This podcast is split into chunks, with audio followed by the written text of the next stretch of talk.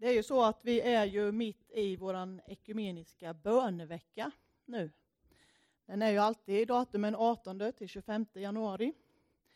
Och eh, den här gången så har vi ju haft alla samlingar i Bottnaryds kyrka tillsammans med alla församlingar i Norra Mo. Och eh, jag måste säga att det har varit väldigt bra samlingar. Eh, vi började i fredags, vi hade en Taizé-mässa. Eh, och i lördag så hade vi, var det bönevandring i Bottnaryd. Och eh, det avslutades med en bön och eh, lovsångsgudstjänst. Och idag har vi fått fira mässa tillsammans med ekumenisk kör och predikan av Andreas Gucka, pingstpastorn i Bottnaryd. Och det är som Marianne, kyrkoherden, sa att vi kanske inte står lika i alla teologiska frågor, men vi har Jesus tillsammans och vår tro. Och eh, jag måste säga att det har varit väldigt goda samlingar och god gemenskap. Och temat för eh, årets ekumeniska bönevecka som just nu pågår då runt om i vår värld. Därför att det är ju faktiskt ungefär cirka 75 stycken länder som är med i detta. Och som just nu ber och har samlingar. Och temat är Guds hand leder oss. Och det är en grupp i Karibien som har tagit fram den här, det här ämnet för det här året. Och eh, så har eh, Svenska kristna rådet översatt det så att vi ska kunna ta del av detta. Och de har utgått ifrån eh, Miriams lovsång i, i en av Moseböckerna. Och man kan ju fundera just på detta att Guds hand leder oss. Vad är det första? Jo, han vill leda oss till frälsning. Det är det viktigaste för Gud. Att leda människan till frälsning genom sin son Jesus Kristus. Och vi människor, vi är oerhört bra på att kunna vilja saker själva. vet man säger kan själv, som barnet säger. Men när det gäller och kommer till Guds frälsning så kan vi ingenting göra själva utan det är bara genom Jesus som vi kan ta emot den säga ja till honom. Så det första Gud vill är att leda oss till frälsning och sen vill han leda oss med sin hand genom livet. Han vill gå med dig och mig genom våra liv och ta hand om oss och ha omsorg om oss. Med en förutsättning då att vi också låter han göra detta. Att vi låter Gud leda oss med sin hand. En av texterna som har funnits med under den här, de här dagarna är från Matteus. Jag ska läsa från kapitel 18 och jag börjar på vers 1 och läser framåt. Och det står så här. Vid samma tillfälle kom lärjungarna fram till Jesus och frågade Vem är störst i himmelriket? Han kallade till sig ett barn och ställde det framför dem och sade Sannerligen, om ni inte omvänder er och blir som barnen kommer ni aldrig in i himmelriket. De som gör sig själva små som det här barnet är störst i himmelriket. Och den som i mitt namn tar emot ett sådant barn tar emot mig. Men den som förleder en av dessa små som tror på mig, för honom vore det bäst om han fick en kvarnsten hängd om halsen och sänktes i havets djup.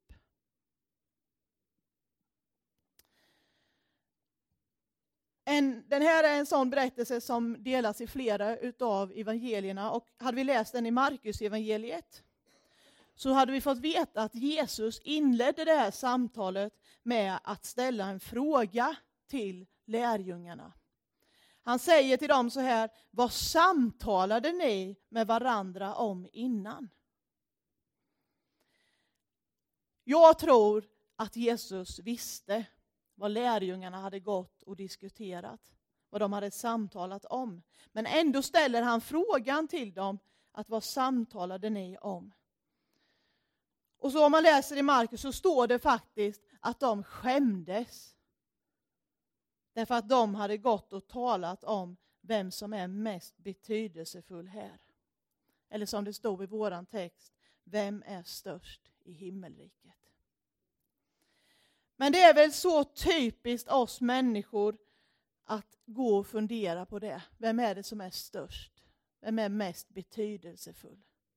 Det kanske inte är så konstigt i den värld som vi lever i idag, när människor tycker att det viktigaste är att vara störst och bäst. Men det fanns ju även på den tiden. Lärjungarna diskuterade vem var mest betydelsefull. Jag har varit med om i en församling att där har man diskuterat vilken grupp som var den viktigaste. Vem som gjorde det bästa och som ja, behövde ha mer plats. Och ibland kanske det är lätt liksom att man bara ser sin grupp, sitt, det, det arbete man står i. Och man liksom får lite skygglappar så här och ser inte hela församlingen utan man ser bara vårat, det är det viktigaste. Istället för att se hela församlingens arbete. Och ibland är det oerhört lätt att bli upptagna utav praktiska, praktiska saker som vi vet att vi självklart måste göra, men det får inte bli det viktigaste. Det behöver inte vara perfekt allting. Det handlar inte om vem som är störst och vem som har bäst och vem som har mest betydelsefullt arbete. Vilken församling som är störst eller, eller så. Utan det det handlar om det är att Gud vill leda människor in i sitt rike. Det handlar om att få människor att komma till himmelriket. Och för att komma dit in så måste vi bli som barn.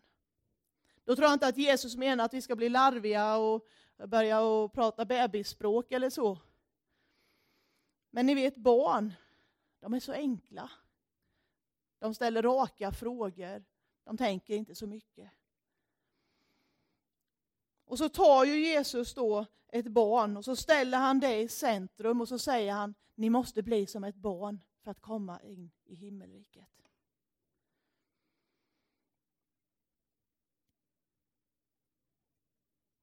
Och gör ni inte det så kommer ni inte dit in. När Jesus kallar oss att bli som barn, då kallar han oss på en väg som faktiskt leder bort ifrån elände. Som leder bort ifrån våran brustenhet, från det som vi faktiskt kallar för synd. Han kallar oss till sig själv och till den himmelska Fadern. Han kallar oss till ett liv i himmelriket, ett evigt liv tillsammans med honom. Ett evigt liv där vi kan få vara förundrade över hans storhet, där vi kan få leva i glädje och kärlek. Han kallar oss och det är det vi kallar för att komma till tro, bli frälsta. Det är räddningen från allt det brustna så att det kan få bli helt. En räddning från ett liv utan Gud till ett liv med Gud. Och man kan ju förundras om och om igen när man tänker på Gud. Den här bilden som Madeleine tog här med den här fantastiska skapelsen. Tänk vad stor Gud är. Och när man tänker på honom så blir han bara större och han blir liksom mer nådigare. Han blir så mäktig än liksom vad man kan förstå. Därför att han är stor, han är mäktig och han är full av nåd. Och fast när jag liksom strävar kanske efter att liksom finna det här att leva som ett barn, att liksom vara förundrad så enkelt som ett barn kan vara, så har jag ändå inte liksom förmågan att förstå hur stor Gud är. Därför att han är mycket större. Och tänk då ett litet barn. Alltså de måste ju lita på vuxna människor. Nu vet vi i vårt samhälle att det är inte så överallt att barn kan lita på vuxna. Men det är så det borde vara. Att ett barn ska kunna lita på en vuxen människa. Och jag tänker när min lilla Olga, när jag har klätt på henne för kvällen kanske, så, så säger jag till henne, ställ dig upp då, så ställer hon sig upp på skötbordet. Och det är ju en bit upp. Och så säger jag till henne, ja men hoppa då. Och så ser man liksom hur hon brister ut i ett leende. Men hon är för liten, hon kan inte ta det där skuttet. Hon förstår liksom inte riktigt hur hon ska göra. Men första gången jag sa till henne så här, men hoppa då, då tog hon bara ett kliv rätt ut. Och jag tog henne och hon bara sken upp som en sol. Därför att hon litade ju på att jag skulle ta emot henne i famnen.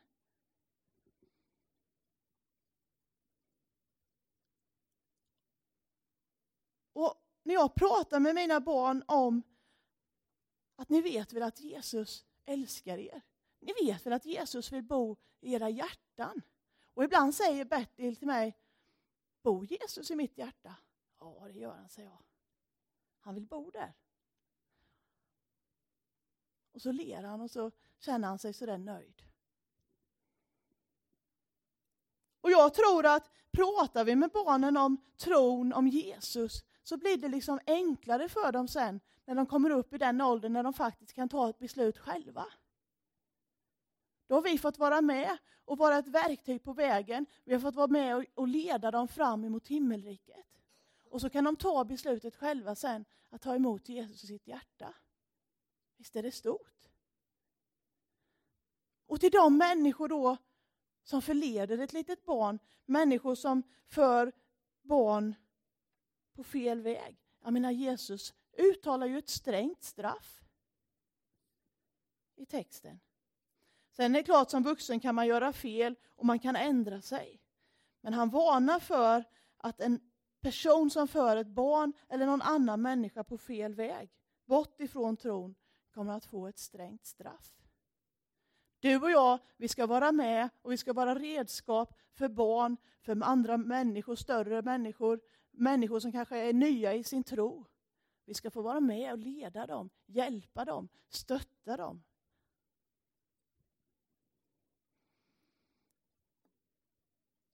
Och Det kan vi göra genom våra liv, kan vi visa på Jesus.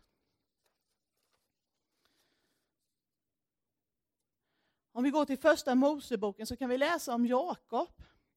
Han eh, fick resa iväg mot Harran och eh, han lägger sig på en plats för att sova.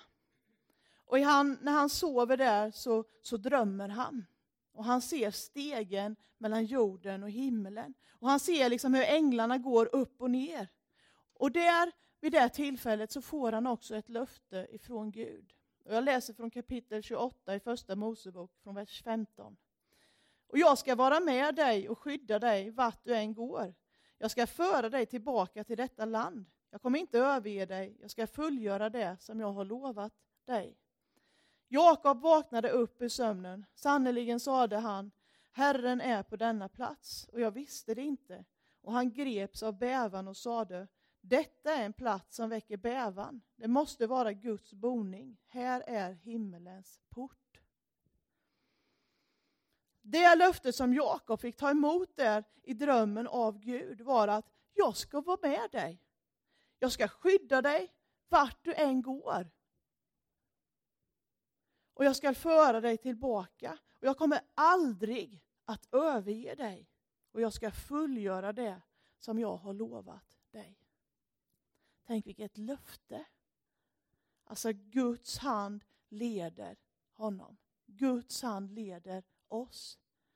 Han kommer att vara med oss, han kommer skydda oss och han kommer aldrig att överge oss. Och Det löftet får gälla för oss om vi väljer att tro det, om vi väljer att leva det. Att Gud kommer inte att överge oss. Gud kommer att fullgöra det som han hade lovat. Gamla testamentet pekar framåt, genom profeterna så pekar det framåt mot Jesus. Och det som han skulle göra på korset. Nämligen dö för oss och öppna vägen till himlen. Så i förtröstan på de här löftena som Gud har gett oss om ett evigt liv, om frälsningen, om att han vill vara nära oss, det får vi lita på och vi får lita på att han är med och leder oss med sin hand. Han kommer aldrig lämna dig eller mig, utan han kommer leda oss genom livet.